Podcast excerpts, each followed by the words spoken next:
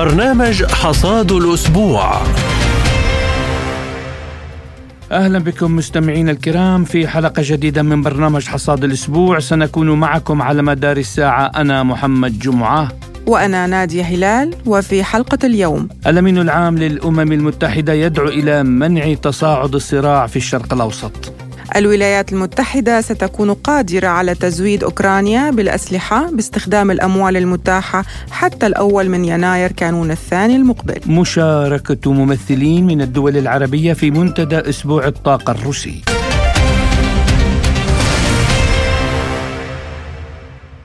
ونبدأ الحلقة بالوضع حول الصراع الفلسطيني الإسرائيلي حيث أعلن نتنياهو تشكيل حكومة طوارئ في إسرائيل خلال الحرب مع قطاع غزة.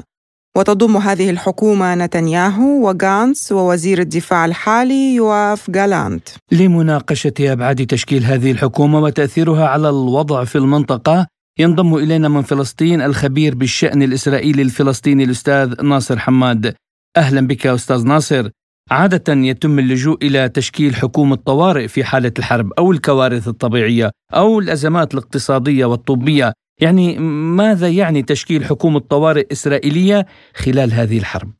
هناك كان انقسام سياسي عمودي وأفقي بين في داخل المجتمع الإسرائيلي نتيجة السياسات الدينية المتطرفة التي يقوم بها الصهيونية الدينية في بقيادة بنيامين نتنياهو والإرهابيان سموريتش وبن غفير.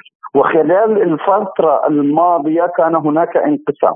ولكن بما حدث هو تحصيل حاصل. نتيجة سياسات اليمينية الإسرائيلية المتطرفة. وما تقوم به إسرائيل.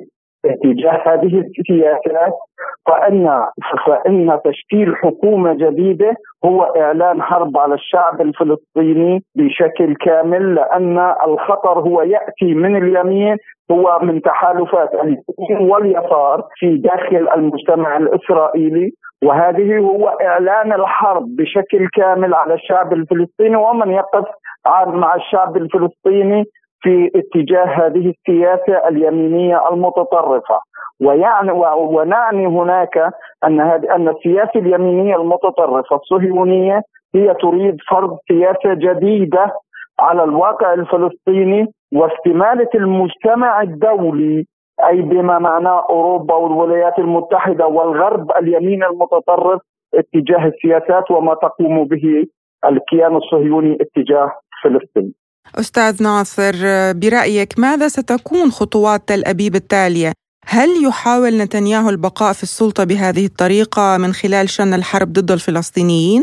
هو بالنسبة لتشكيل حكومة طوارئ هي هي هي استمداد هي امتداد هي امتداد لسياسة إسرائيل المتطرفه وسياسة بن غفير وإن السياسة الجديدة التي هو دخل فيها الأحزاب المتطرفه اتجاه هذا اليمين هذا اليمين المتطرف لأمد لأن هناك كان هناك مخطط في الأساس لإيقاف آه، حكومة وحكم بنيامين نتنياهو في إسرائيل. وهذا الحكم الموجود لبنيامين نتنياهو وحكومته المتطرفة كان هناك إزالة ولكن تشكيل الحكومة بشكل عام وإعلان حالة حرب هو ثبات اليمين العلماني واليمين الديني واليسار واليسار الإسرائيلي تحت مظلة اليمين اليمين الصهيوني الديني المتطرف.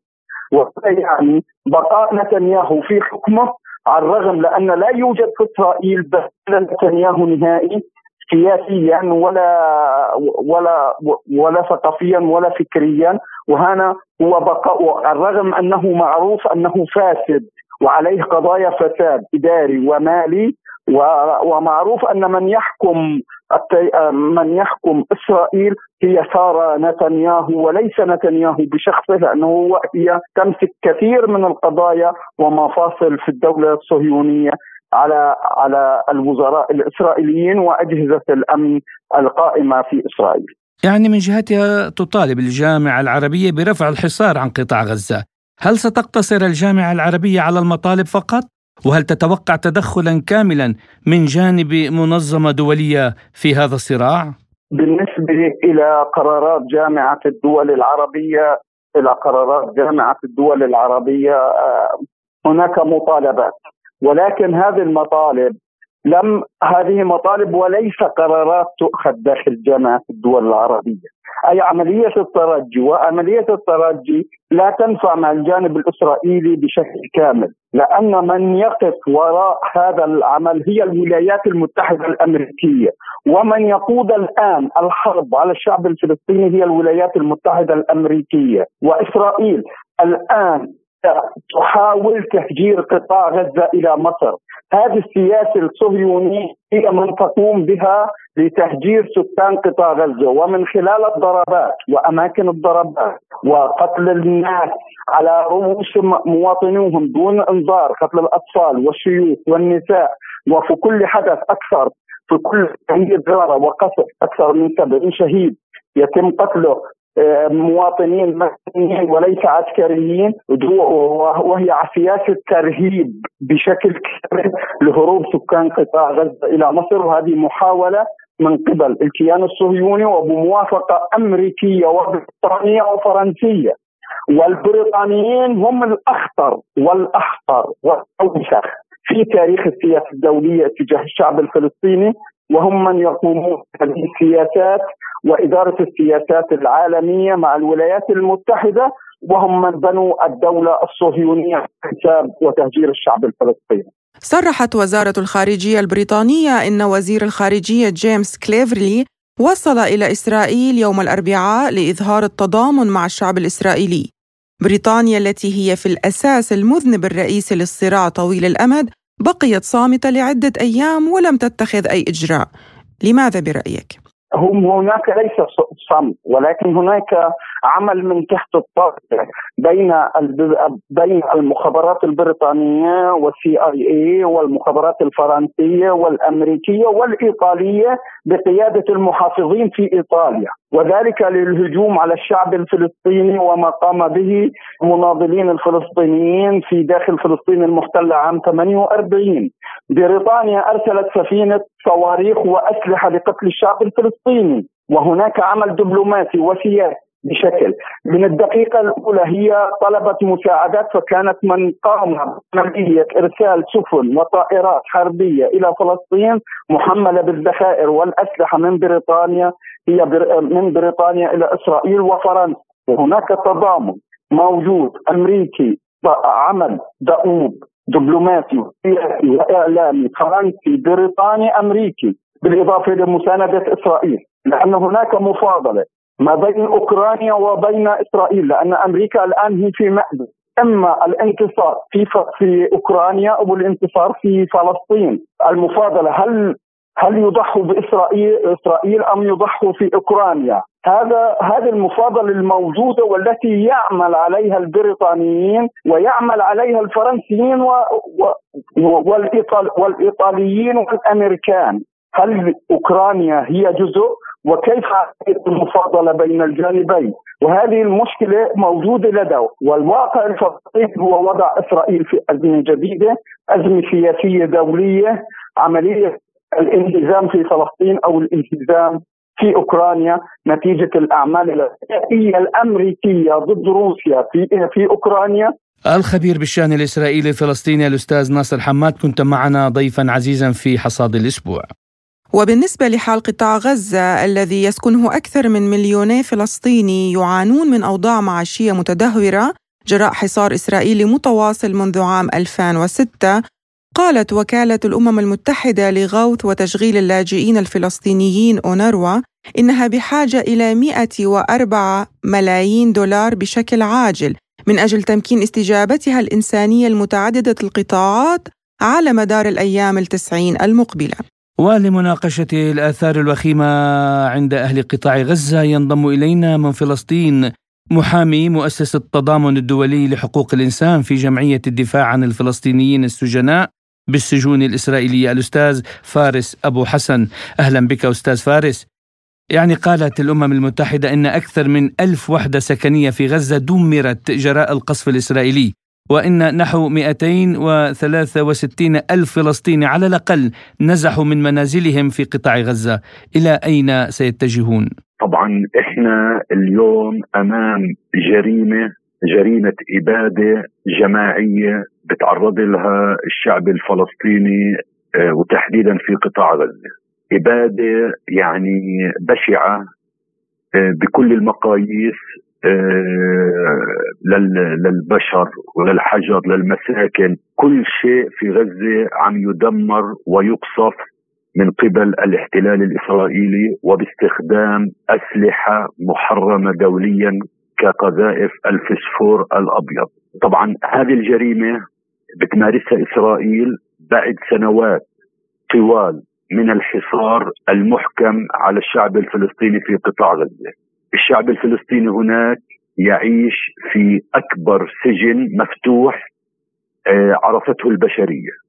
2 مليون فلسطيني محاصرين سفرهم بقوانين صارمة بإجراءات صارمة إسرائيلية آه، هناك القلة القليلة من يسمح لهم بالسفر وبإجراءات معقدة آه، كل هذا الوضع أدى إلى انفجار الوضع كما نشاهده اليوم. المؤسسات الدولية، مؤسسات حقوق الإنسان آه، تعلن وطبعا في المؤسسات الصحية والطبية تعلن آه، نفاذ الكثير من المعدات والحاجيات الضرورية للمستشفيات وللمراكز العلاجية.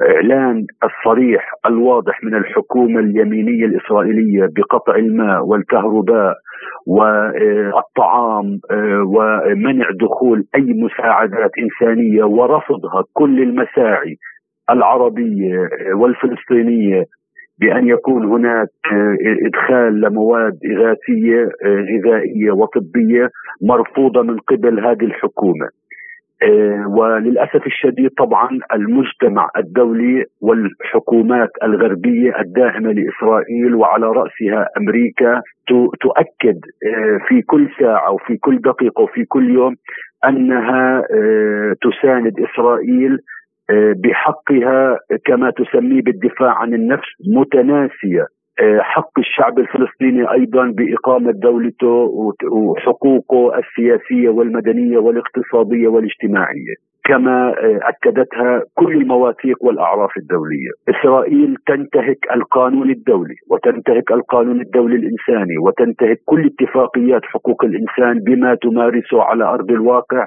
باستخدامها المدنيين الفلسطينيين دروع بشرية ورهائن لتحقيق أهداف سياسية. إسرائيل تعلن أنها تريد آه، إنهاء حكم حماس وهذا هدف سياسي.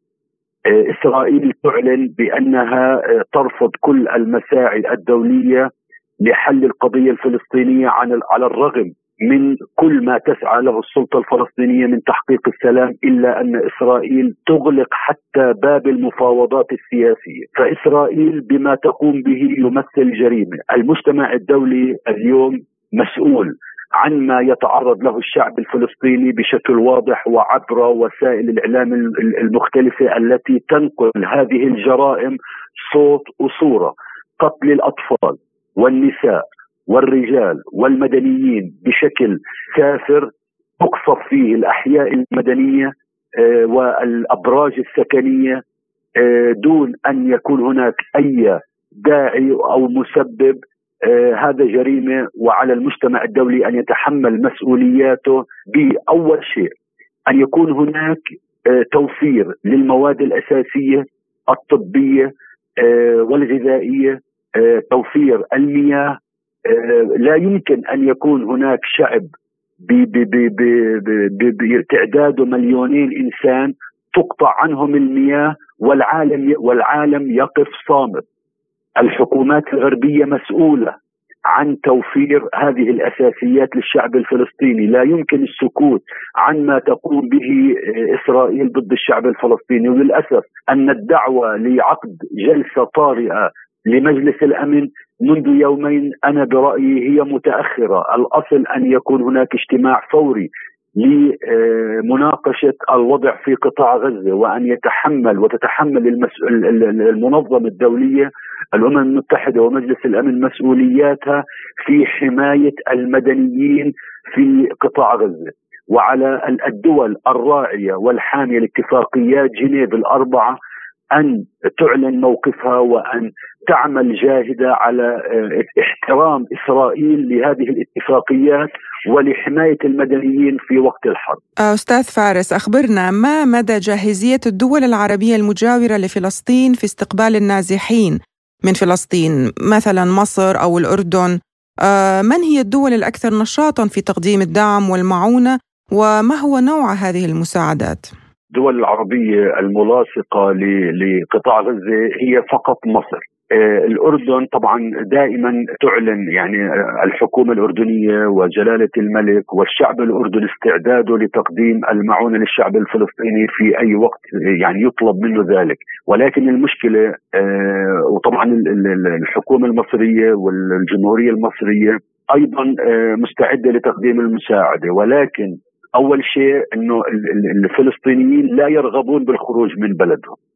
ويعني يعلنوا باستمرار بأنهم يعني حتى لو أدى الأمر أن يموتوا داخل بيوتهم لن يهاجروا مرة أخرى. بعد أن كان هناك هجرة من في العام 48 من منازلهم لن يكرروا النكبة مرة أخرى، هذا ما يعلنه الصغير والكبير في قطاع غزة، ولكن للأسف الشديد أيضا إسرائيل هددت بشكل واضح المصريين بقصف وتدمير أي قوافل مساعده ممكن أن تتقدم للحدود المصرية. وقصفوا معبر رفح وهو مرتين خلال آه، بعد 7 آه، أكتوبر قصفوا معبر رفح وهو المعبر الوحيد الواصل بين آه، قطاع غزة ومصر وأيضا يعني أعلنوا بشكل واضح أن أنهم سيقوموا بقصف أي قافلة أو مساعدة تقترب من الحدود مع قطاع غزة، فهذا يعني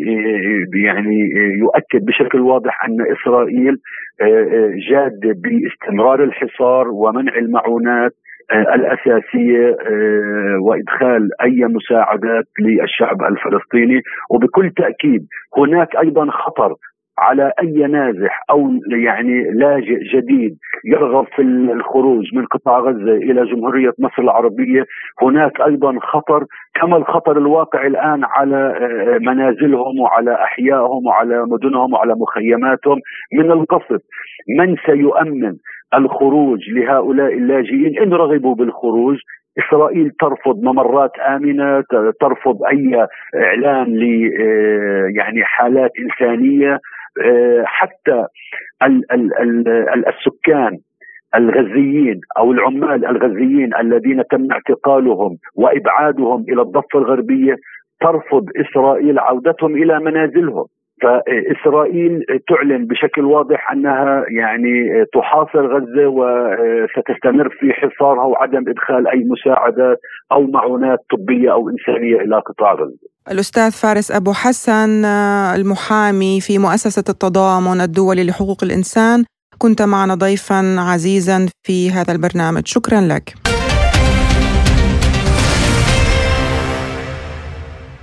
وإلى أوكرانيا حيث رجح كيريل بودانوف رئيس الاستخبارات العسكرية الأوكرانية أن تعاني بلاده من شح المساعدات الغربية اعتبارا من منتصف العام المقبل.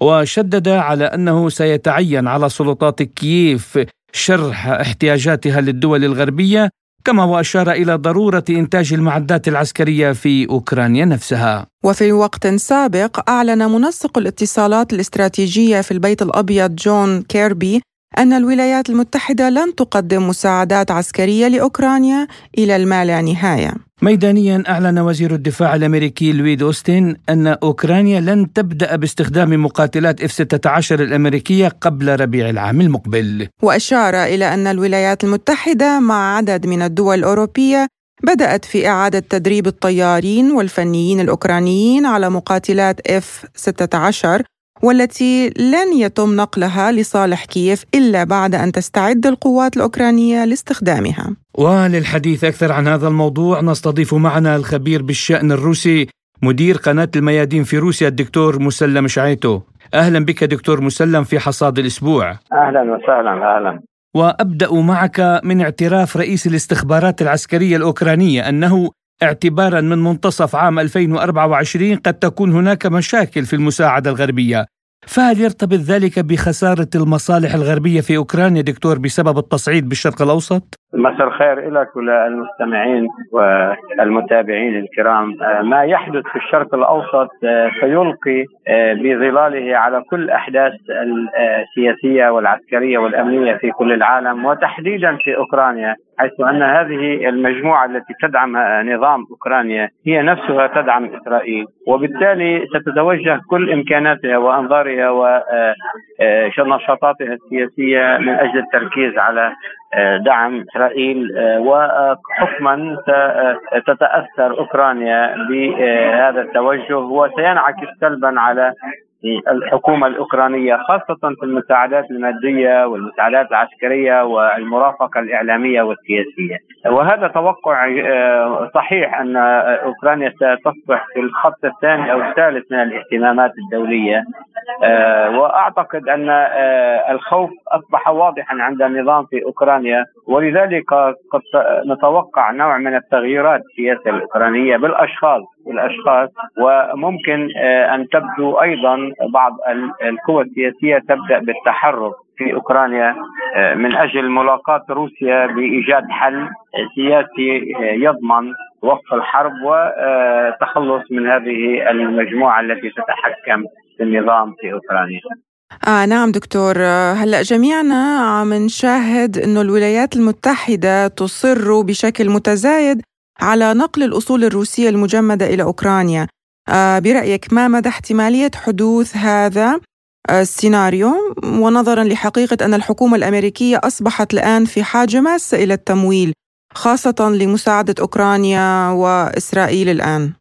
يعني ما تقوم به الولايات المتحدة من تجاوز لكل القوانين ولكل الأعراف ولكل المبادئ الدولية في آه، دعمها للمنظمات والدول الإرهابية. آه، لا نستبعد أنها ستصل إلى مستوى مصادرة الأموال الروسية واستعمالها ليس فقط في أوكرانيا وحتى استعمالها في مناطق أخرى. آه، وهذا يعتبر خطوة مكملة وتنسجم ومبادئ الولايات المتحدة من الاعتداء والسرقات والنهب وهذا ما تفعله مع كثير من الدول فهي صادرت الكثير من أموال الدول آه، آه، التي تختلف معها وتسميها معادية إن كان كوريا الشمالية إن كان إيران إن كان سوريا لبنان وليبيا وغيرها. وأعتقد أن ذلك يتماشى مع آه، سياسة الولايات المتحدة المخالفة كما قلت لكل القوانين ولكل المبادئ. نعم دكتور ذكرت الولايات المتحدة أنها ستكون قادرة على تزويد أوكرانيا بالأسلحة باستخدام الأموال المتاحة حتى الأول من يناير دكتور برأيك كيف تنوي واشنطن دعم نظام كييف وعندما آه، تنضب الأموال المتاحة؟ المسألة ليست في الأموال، الولايات المتحدة تستطيع أن آه، يعني تطبع هذه الورقة النقدية الدولار. لكن المسألة في الأسلحة. الأسلحة والذخائر أصبحت هي بحاجة لها إسرائيل. وهناك أزمة ذخائر مع بداية العملية العسكرية الإرهابية الإسرائيلية ضد فلسطين. وبدأوا يبحثون عن مصادر من مراكزهم من قواعدهم إن كان في الأردن أو في دول أخرى من أجل تمويل إسرائيل بعدما أفرغت مخازن الأمريكية الموجودة هناك لصالح أوكرانيا. اذا المسألة هي بالأسلحة وليست بالأموال. وأعتقد أن حاجة إسرائيل للأسلحة ستكون أكثر من أوكرانيا ولها أولوية وبالتالي آه، آه، سيضعف إمداد أوكرانيا بالأسلحة والذخائر التي تطلبها. هذا ما أريد أن أقوله عفوا المقاطعه، يعني هل نفهم أن الولايات المتحدة بدأت تمهد لإيقاف دعم أوكرانيا؟ الولايات المتحدة بالنسبة لها في أوكرانيا المعركة هي أن تزيد أرباحها وتتضرر روسيا، لكن المعركة في الشرق الأوسط هي معركة مصيرية، هي معركة مصيرية لأن إسرائيل هي الممثل الوحيد للولايات المتحدة في الشرق الأوسط. وهذه الورقة التي تستعملها إسرائيل لتهديد العالم العربي إذا انتهت يصبح العالم العربي أكثر استقلالية وله القدرة على أن يكون موحدا ولاعبا دوليا اساسيا. وجود إسرائيل هو الذي يعيق وبالتالي أهمية دعم إسرائيل للولايات المتحدة أكثر منها أوكرانيا. رغم أن أوكرانيا هم برأيهم تستطيع أن تؤثر على روسيا لكن بعد فشل كل المحاولات للهجوم المضاد وما وما تبعه من انتكاسات أعتقد سيحاولون جاهدين دعم إسرائيل أكثر من اوكرانيا. آه، في حين يريد البيت الأبيض تقديم الطلب إلى الكونغرس للحصول على مساعدة لإسرائيل وتايوان وأوكرانيا، فهل يعني هذا أن الولايات المتحدة لا تنوي البحث عن طرق سلمية لحل الصراعات مع الاستمرار في تقديم المساعدة العسكرية لهذه الدول؟ الولايات المتحدة من كل تاريخها في كل سلوكها السياسي منذ نشأتها حتى الآن لم تسعى لأي حل سياسي لأي مسألة بالعكس تماما تعتمد وترتكز على مبدأ صراع الحضارات والفوضى البناءة وتعممها تعممها منذ بداية الحرب العالمية الثانية بشكل واضح ووقح وما زالت وستستمر بتعميمها لا تسعى لا حتى لو أنها تملك الإمكانيات وهي تملك هذه الإمكانية في الشرق الأوسط لكنها لا ترغب ولن آه، تسعى من أجل إقامة سلم في هذه المنطقة، الحرب هو الخبز الأمريكي هو مرتبط ببقاء أمريكا أو لا، لا يمكن أن تبقى أمريكا دون حروب، وأكبر دليل قواعدها في العالم 820 قاعدة وتدخلها العسكري المباشر في عشرات الدول، هذه هي الولايات المتحدة وهذه ماهيتها ومبادئها وسلوكها، لن تدعم أي عملية سلمية في العالم مهما يكن من مصالح للولايات المتحدة، بالعكس كل مصالحها هي في الفوضى وفي الدمار. الخبير بالشأن الروسي الدكتور مسلم شعيتو مدير قناة الميادين في روسيا كنت معنا ضيفا عزيزا في حصاد الأسبوع، شكرا لكم. شكرا شكرا.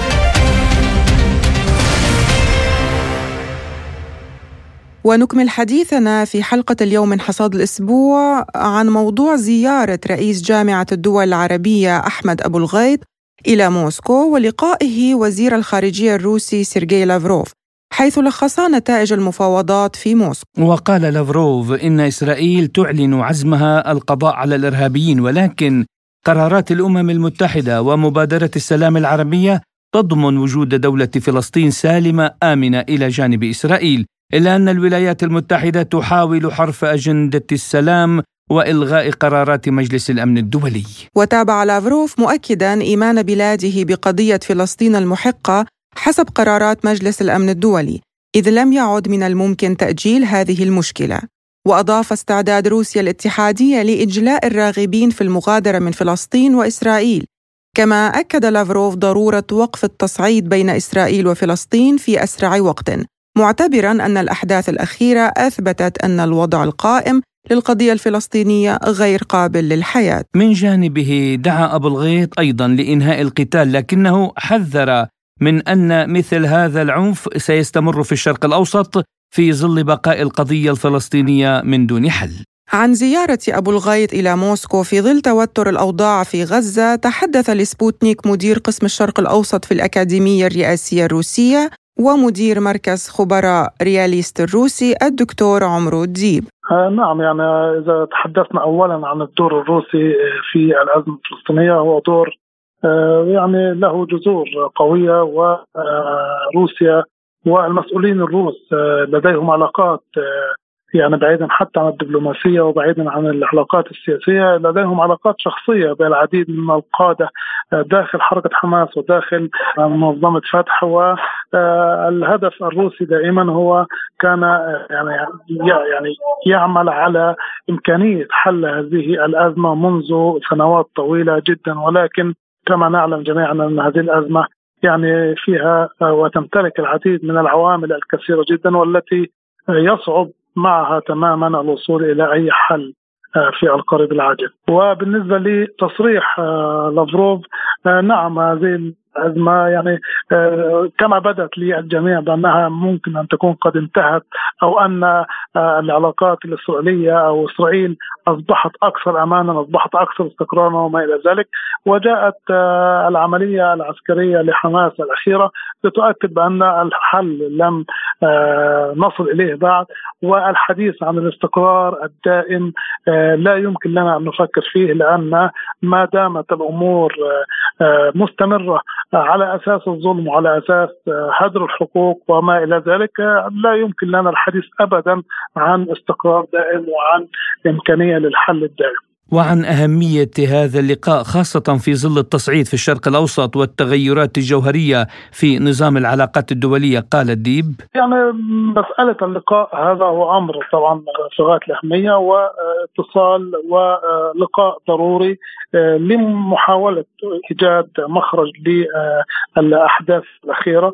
آه، روسيا في الفترة الأخيرة آه، كما نعلم يعني تعيد بناء علاقتها آه، في الشرق الأوسط. آه، تعلم تماما ما يدور داخل منطقة الشرق الأوسط ما يدور في ليبيا ما يدور في الأراضي المحتلة في اليمن في العراق في سوريا. يعني وفي السودان أيضا.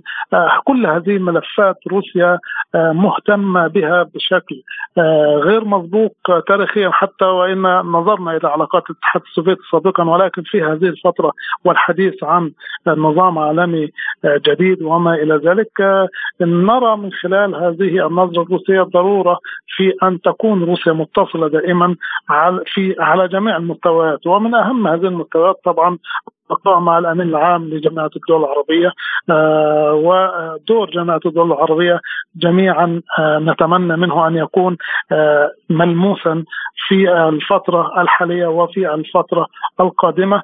ومجرد اللقاء الروسي مع أمين عام جماعة الدول العربية هو آه، يعني تقدير آه، روسي آه، رسمي للدور الذي يجب أن تلعبه الجامعة العربية وامكانيات هذه الجامعة إذا ما توفرت لها كل الظروف في إمكانية حل معظم هذه الملفات وبشكل خاص الملف الأخير والأزمة الأخيرة فيما يخص إسرائيل وقطاع غزة. وعن إمكانية الحديث عن تقارب استراتيجي بين روسيا والدول العربية لا سيما بعد المواقف الغربية من الأزمة في أوكرانيا وأيضا الدعم التام لإسرائيل قال الديب.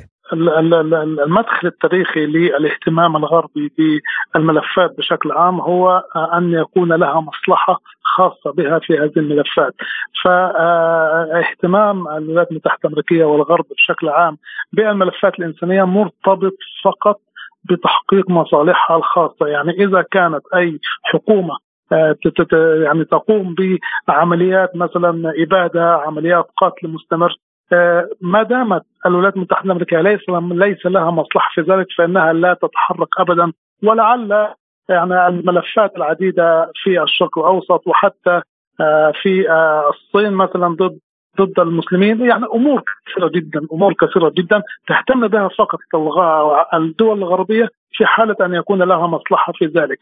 أوكرانيا على سبيل المثال وروسيا بالطبع الولايات المتحدة الأمريكية لها لها آه، مصالح خاصة كثيرة في هذا الملف. لذلك يعني الإعلام الغربي يعني يوميا وعلى مدار ال 24 ساعة يقوم بحملة بروباغندا مضادة لروسيا ولكل ما هو روسي. آه، مساعدات غربية كثيرة وحتى مسألة حتى تقديم أو الحديث عن تقديم مساعدات أمريكية عسكرية لإسرائيل يعني سريعة بهذا الشكل.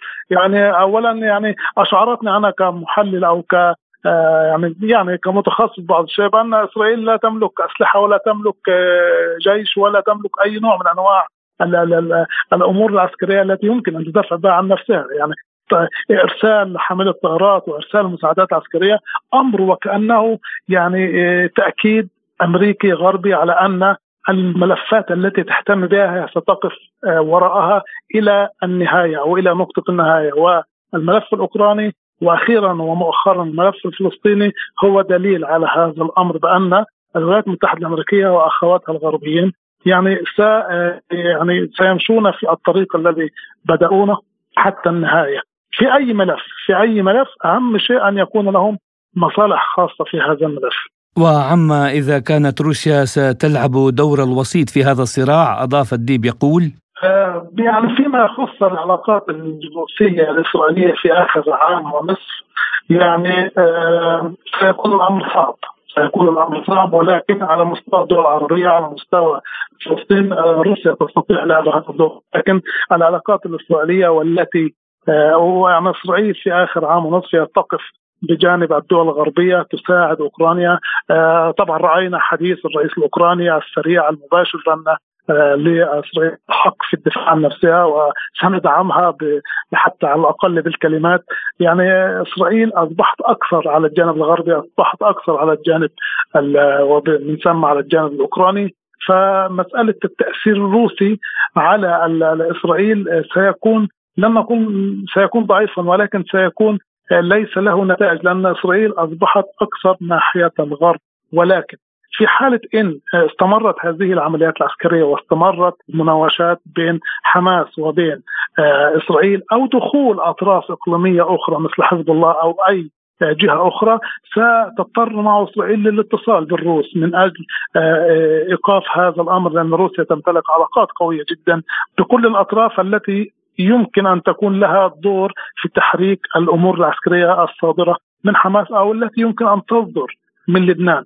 فلذلك إذا ما كان أو إذا ما سيكون لروسيا دور في هذا الأمر سيكون عندما تضطر إسرائيل للاتصال بموسكو من أجل إيقاف هذه العمليات العسكرية لأن سنعيد هنا كلمات الفريق أو سعد الدين الشاذلي رحمة الله عليه بأن إسرائيل لها مقتلين اثنين إطالة أمد الصراع وايقاع أكبر عدد من الخسائر البشرية هذين المقتلين. إذا ما استمر ستضطر إسرائيل معه للاتصال بموسكو. ومن أجل إيقاف العمليات العسكرية أو العمليات التي يمكن نسميها مناوشات في الفترة القادمة. استمعتم إلى مداخلة مدير قسم الشرق الأوسط في الأكاديمية الرئاسية الروسية الدكتور عمرو الديب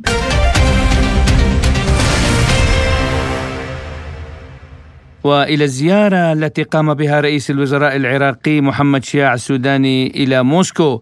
حيث بحث مع الرئيس فلاديمير بوتين أثناء زيارته مؤخرا طائفة واسعة من القضايا الاقتصادية من بينها استعداد بلاده للانضمام إلى مجموعة بريكس إذ تلقت دعوة من الدول المؤسسة. ومن المسائل التي تمت مناقشتها استخدام الدينار العراقي والروبل الروسي في التعاملات التجارية بين البلدين وأيضا دراسة مشروع افتتاح مركز ثقافي عراقي في العاصمة الروسية موسكو. من منطلق العلاقات التاريخية العميقة التي تربط البلدين والتي ستبلغ العام القادم يبيلها الثمانين على إقامة العلاقات الدبلوماسية بين موسكو وبغداد. كما وشدد على أنه ممتن لموقف روسيا المبدئي من القضية الفلسطينية. وعن أهمية زيارة السودان لموسكو من وجهة نظر التعاون في إطار تشكيل عالم متعدد الأقطاب تحدث لسبوتنيك الخبير بالشأن الروسي مدير مركز GSM للدراسات الدكتور آصف ملحم. فيما يتعلق بهذا الموضوع تحديدا آه، العراق يعني كدولة دولة ذات ثروات كبيرة جدا وخاصة الثروات النفطية. وبالتالي وجودها يعني ك كأحد اللاعبين في اللاعبين الإقليميين في هذا الموضوع ضروري جدا.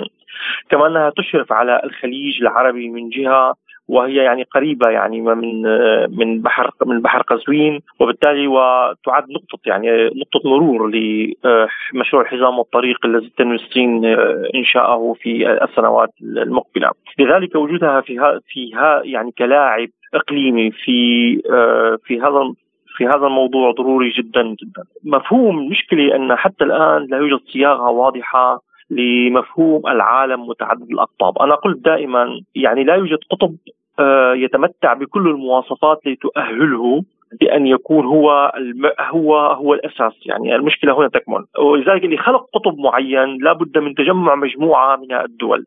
كل دولة يعني أي تكتل. لذلك أنا أقول كلمة قطب هنا تعني بشكل أو بآخر نوع من التكتل. التكتل عادة يقوم على مفهوم ما يمكن نسميه في علم الاقتصاد التخصص التكاملي. كل دولة تجد في نفسها غنية بثروات معينة. في حين الدولة الأخرى آه، تكون فقيرة بهذه الثروات. والعلاقة بين الدول يعني هذا أمر طبيعي تقوم على مبدأ الحاجة والاستجابة. لذلك العراق كدولة منتجة للنفط آه، ودولة يعني موجودة في ضمن الشرق الأوسط يعني في وسط هذا المشروع الكبير الذي تمثله الصين إنشاءه دولة ضرورية. بل في القطب يجب أن تتوفر كما قلت ال ال ال السيادة الاقتصادية والسيادة الدفاعية وإلى حد ما يعني نوع من التقارب الثقافي.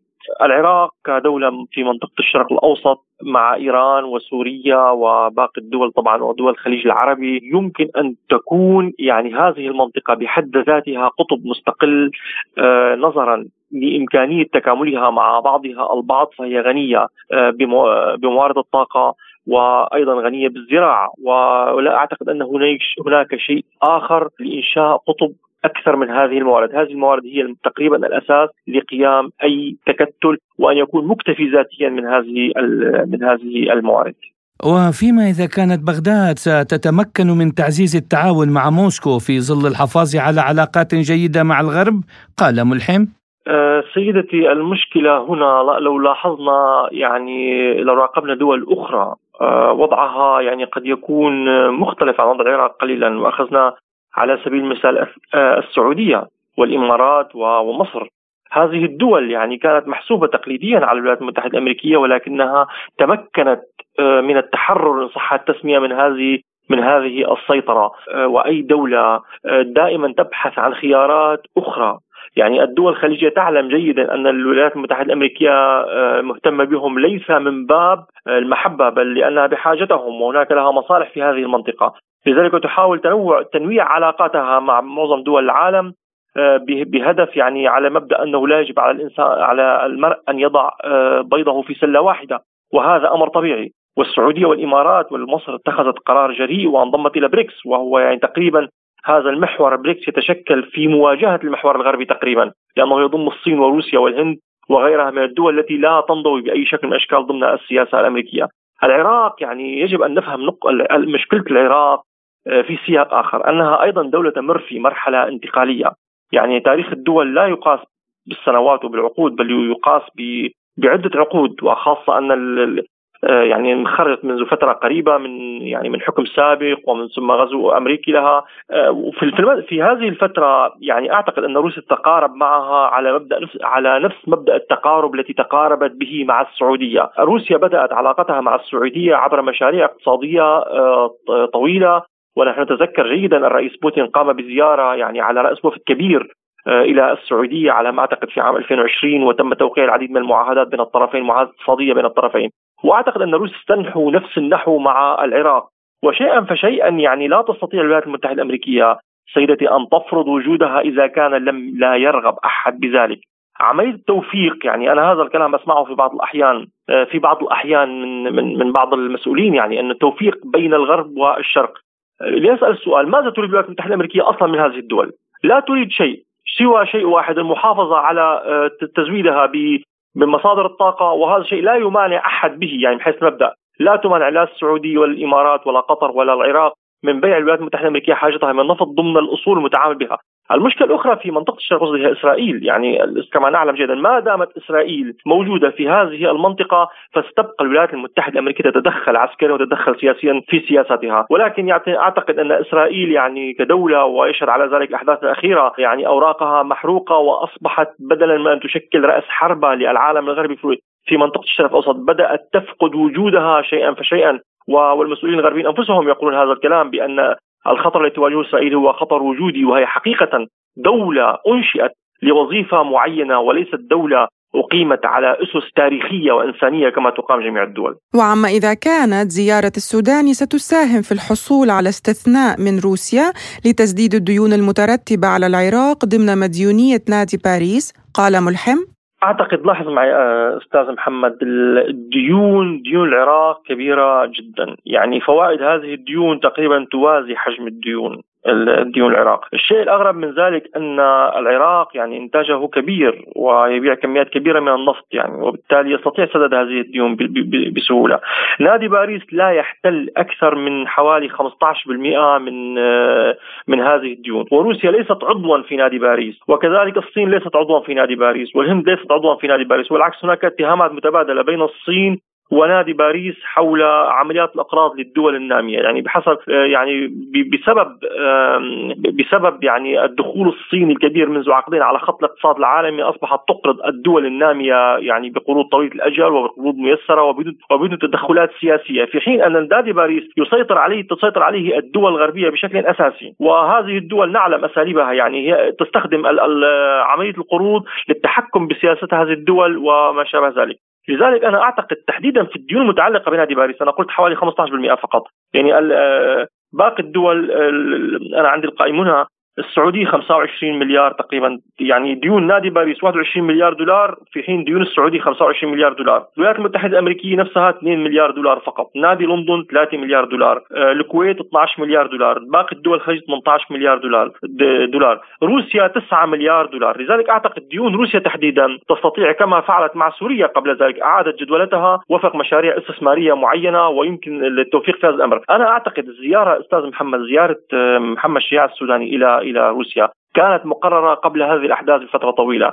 لذلك أعتقد أن الأساس هذه الزيارة سيكون هو الاتفاق على مشاريع طاقية ومشاريع لوجستية لأن روسيا نعلم جيدا أحد مشاكلها الكبيرة هو مساحتها الكبيرة، مساحتها الشاسعة، لذلك بحاجة دائما لبناء طرق جديدة كما تفعل الآن في إيران خط شمال جنوب ونعرفه جيدا الذي يصل آه، ميناء بندر عباس ببحر قزوين ومن ثم أسطرخن إلى مدينة صامت والآن على يبدو أنها تريد عبر العراق أيضا إنشاء خط آخر لوصلها منطقة الشرق الأوسط آه، عموما. يعني وال آه، وهذا الأمر طبيعي. يعني المشاريع الطاقية طبعا هناك لاحظ معي أستاذ محمد يعني بعد قيام بعد نشوء داعش عندنا في المنطقة العربية ودخول روسيا على خط الأزمات العربية وتبين العالم العربي أن روسيا قادرة على تقديم حلول لكل المشاكل العربية، أصبحت معظم الدول العربية تميل نحو روسيا أكثر من غيرها، ويشهد يعني على ذلك هو العقد الأخير تطور العلاقات العربية الروسية، والعراق في هذا التطور أيضا أيضا يسير، ولذلك أعتقد أن في في المرحلة القادمة سنشهد الكثير من المشاريع الاقتصادية في العراق، آه، المشاريع عفوا المشاريع الاقتصادية الروسية في العراق. استمعتم إلى مداخلة الخبير بالشأن الروسي الدكتور آصف ملحم. وفي ملفنا الاقتصادي اجتماعات صندوق النقد والبنك الدوليين في مراكش بمشاركة نحو 12 ألف مشارك من 90 دولة يناقشون آفاق الاقتصاد العالمي والقضاء على الفقر ومسائل التغيير المناخي وسبل تحقيق التنمية الاقتصادية وتقديم المساعدات الفعالة. للتطرق أكثر في تفاصيل هذه الجلسة وتأثيراتها تحدثنا مع خبيرنا الاقتصادي في المغرب الأستاذ عبد العزيز كوكاس الذي علق بخصوص الظروف العامة التي تنعقد فيها الاجتماعات السنوية وتحديات الوقت الراهن. قائلا لمعرفة حجم الرهانات على أشغال الاجتماع السنوي لصندوق النقد والبنك الدولي. المنطلقة صباح اليوم الاثنين بمراكش ومستمرة إلى غاية 15 من أكتوبر الجاري. أعتبر أن السياق الذي تنعقد فيه والظرفية العامة التي تنعقد فيها هذه الاجتماعات السنوية آه، تتميز بوجود إسقاطات ما بعد آه، جائحة كورونا وأيضا آه، هناك آثار الحرب الأوكرانية الروسية وانعكاساتها على مجال الاقتصاد. نحن أمام اذا وضعية صعبة جدا بسبب آه، بسبب الصدمات الاقتصاديه وأزمات الديون وما يتعلق بالنمو الاقتصادي وفي ظل التغير المناخي وكوارث التي آه، أحاط تحيط اجتماعات سنوية لصندوق النقد الدولي والبنك آه، والبنك الدوليين بمراكش. آه، هذه الوضعيه الصعبه تفرز تفرز وضعا استثنائيا لاجتماعات مراكش المغرب لأننا كما عبرت مديرة صندوق النقد الدولي كريستالينا جورجيفا خلال افتتاح افتتاح الرسمي اليوم إشغال الاجتماعات السنوية لصندوق النقد والبنك الدوليين نحن نعيش زمن لا يقين. كيف يمكن أن آه، نجد إجابات أساسية آه، على آه، الاقتصاد الوطني الاقتصاد العالمي في ظل صدمتين تنزف جهد الدول وعطلت مشاريع التنمية وأدت إلى أزمة غير مسبوقة لا سواء فيما يتعلق بتكلفة ارتفاع الأسعار وتكلفة المعيشة ولا أيضا ما يعرفه ما تعرفه الدول النامية آه، من اتساع البطالة الفقر الجوع إلى غير ذلك. كيف يمكن أن يقدم المجتمعون في مراكش أجوبة دقيقة آه، من بينها أين يسير الاقتصاد العالمي اليوم؟ ما هي السياسات الناجعة لمواجهة هذه آه الوضعية الصعبة المؤثرة على الاقتصاد الكوني أو الاقتصاد لا سواء من خلال ركود العديد من الاقتصاديات سواء من خلال أزمة التضخم وتأثيرها على غلاء الأسعار وعلى طبقات الهشة وأيضا نص طبقات أخرى ودحرجتها في سلم الهرم الاجتماعي نحو الأسفل أي نحو مزيد من المعاناة من الفقر أو التهديد بالفقر. كما وضح نوعية الرهانات ومدى استفادة المغرب من الاجتماعات المنعقدة قائلا من الرهانات الكبرى المرتبطة باجتماعات آه، صندوق النقد والبنك الدوليين آه، بمراكش والتي يحضرها اقتصاديون آه، وخبراء ماليون بالإضافة إلى وزراء المالية ومحافظي البنوك المركزية لحوالي 189 دولة. هي تلك المرتبطة بسياسة سياسات التمويل المستدام. وما يرتبط أيضا بأزمات الديون وسبل هيكلتها خاصة بإفريقيا. القارة الأكثر تضررا من آه، من التضخم ومن يعني آثار ما بعد كورونا. كيف يمكن أن آه، يدافع الكبار أو يحمل الكبار على مساعدة الدول التي آه، تعاني بشكل كبير من في مجال نموها الاقتصادي وعدم قدرتها على مواجهة صدمات اقتصادية أيضا بسبب عدم استقرار وضعها السياسي والأمني وغيرها وكيف يمكن البحث في إعادة مناقشة مسألة أزمة المديونية وسبل آه، هيكلتها آه، بإفريقيا؟ إن الوضع حقيقة دقيق وسنرى آه، ما ستنتج عنه الاجتماعات السنوية هل سيكون هناك بالفعل إحساس بأن التضامن الدولي والتعاون يمكن أن إلى ابتكار حلول ناجعة ومستدامة لكي يكون هناك نوع من تطور متكافئ في العالم أو تقليص هذه الفجوة الموجودة بين دول العالم الفقير ودول العالم؟ الثري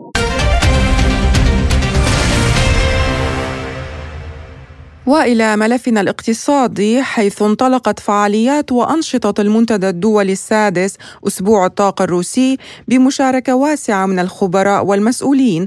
والموضوع الرئيسي للمنتدى هذا العام هو الواقع الجديد للطاقة العالمية. وقد رحب الرئيس الروسي فلاديمير بوتين بالمشاركين والضيوف وألقى كلمة خلال الجلسة العامة لمنتدى أسبوع الطاقة الروسي. قال فيها روسيا ستواصل تقديم مساهمة كبيرة في تحقيق التوازن في سوق الطاقة العالمية. لا يوجد منافس لمدرسة الصناعة النووية الروسية إذ تبني روسيا 22 وحدة طاقة في آن واحد في مختلف البلدان. شركات الطاقة الروسية تعيد توجيه صادراتها نحو الأسواق الآسيوية في ظل توجهات السوق. كما يشارك في المنتدى شخصيات بارزة من بينها وزير الطاقة السعودي الأمير عبد العزيز بن سلمان الذي أشار إلى التجربة الناجحة في موضوع احتجاز الغاز والميثان وتحويله للاستفادة منه في توليد الكهرباء وتحلية المياه.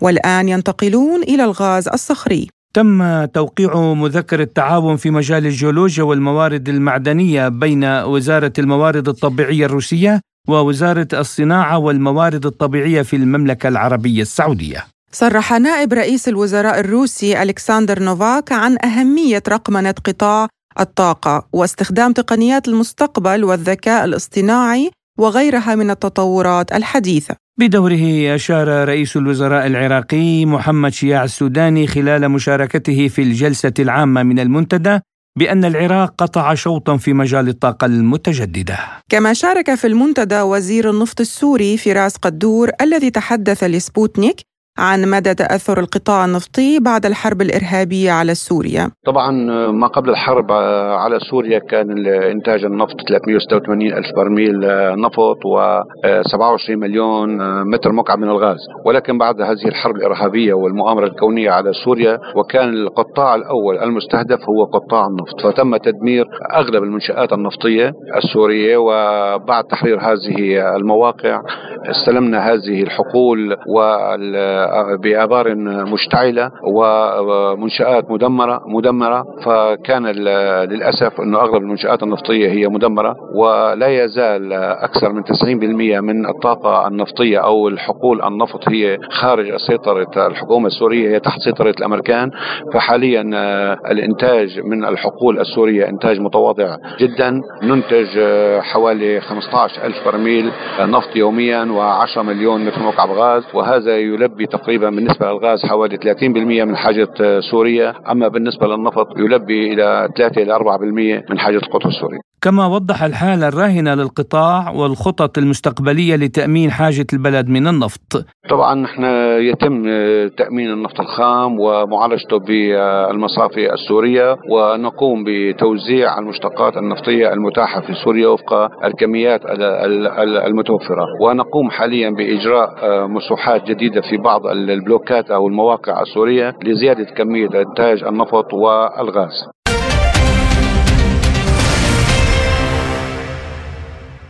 إصابة صحفي وكالة سبوتنيك في غارة بطائرة مسيرة أوكرانية في بيلغورود. أعلن دميتري كيسيلوف المدير العام لوكالة روسيا سيفودنيا الإعلامية أن صحفي سبوتنيك وزوجته أصيبا في غارة بطائرة مسيرة تابعة للقوات المسلحة الأوكرانية قرب بيلغورود وقتلت ابنتهما البالغة من العمر أربع سنوات. وأضاف كيسيلوف أن هذا الهجوم الإرهابي على القرى المدنية في روسيا نفذه نظام كييف بطبيعة الحال بدافع اليأس ردا على ما كان يحدث على الجبهات. الدفاعات الجوية السورية تتصدى لصواريخ إسرائيلية استهدفت مطاري دمشق وحلب الدوليين. قال المصدر الأمني لمراسل سبوتنيك طائرات إسرائيلية أطلقت عددا من الصواريخ من فوق الأراضي المحتلة. استهدفت محيط العاصمة دمشق وأضاف أن طائرات أخرى استهدفت مطار حلب الدولي بصواريخ موجهة من فوق المياه الإقليمية قبالة السواحل السورية. أضاف المصدر بهذا الخصوص العدوان على مطار دمشق الدولي تزامن مع عدوان آخر استهدف مطار حلب الدولي في منطقة النيرب. وتابع يقول الصواريخ الاعتراضية في سلاح الدفاع الجوي تصدت لبعض الصواريخ المعادية قبل وصولها إلى هدفها طاولة سبوتنيك المستديرة تناقش العلاقات العربية الروسية وبمشاركة ممثلين من العواصم موسكو، القاهرة، دمشق، بيروت حول موضوع روسيا والشرق الأوسط شراكة اجتازت اختبار الزمن. وشارك في هذه الفعالية التي نظمتها وكالة الأنباء وإذاعة سبوتنيك كل من كبير الباحثين في مركز دراسات الشرق الأوسط في معهد بريماكوف للاقتصاد العالمي والعلاقات الدولية السيد نيكولاي سوركوف الذي أشار قائلا السياسة الأمريكية في المنطقة غالبا ما تؤدي إلى مزيد من زعزعة الاستقرار وتخلق مشاكل جديدة. لذلك تظهر هناك حاجة لقوى خارجية بديلة يمكن أن تساعد في استقرار المنطقة.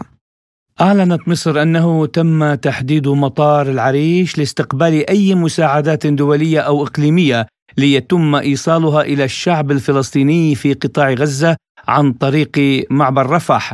ودعت مصر جميع الدول والمنظمات الإقليمية والدولية الراغبة في تقديم المساعدات الإنسانية والإغاثية إلى إيصالها إلى مطار العريش الدولي مؤكدة أن معبر رفح الحدودي بين مصر وقطاع غزة مفتوح للعمل ولم يتم إغلاقه في أي مرحلة منذ بدء الأزمة الراهنة. مستمعينا الكرام إلى هنا تنتهي حلقة اليوم من حصاد الأسبوع. كنت معكم أنا محمد جمعة. وأنا نادية هلال. تابعونا على Sputnik Arabic dot AE. واشتركوا بقناتنا عبر تليجرام سبوتنيك عربي. وراديو سبوتنيك في لبنان على تردد 93.6 وفي سوريا على تردد 93.3 واستمعوا إلى راديو سبوتنيك. ودمتم بخير.